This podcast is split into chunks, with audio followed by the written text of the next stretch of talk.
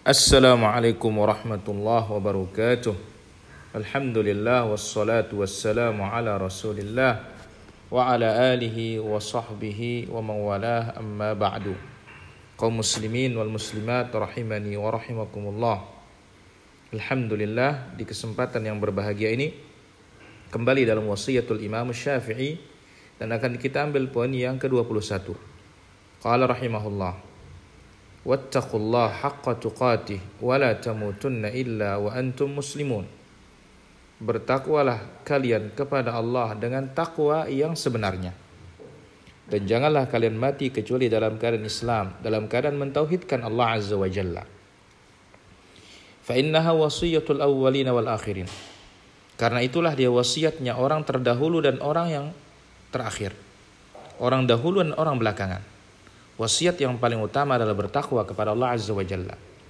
Dan makna takwa adalah al-amal bi taatillah ala nurin min Allah tarju thawab Allah.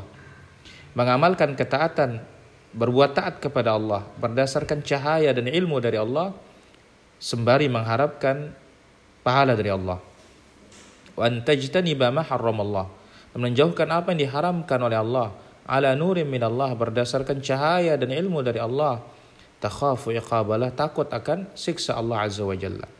Yang intinya ketakwaan itu fi'lul awamir wa tarkun nawahi. Melaksanakan perintah-perintah Allah dan meninggalkan larangan-larangan Allah Azza wa Jalla. Demikian ditegaskan oleh Allah Azza wa Jalla juga dalam surat An-Nisa ayat 131.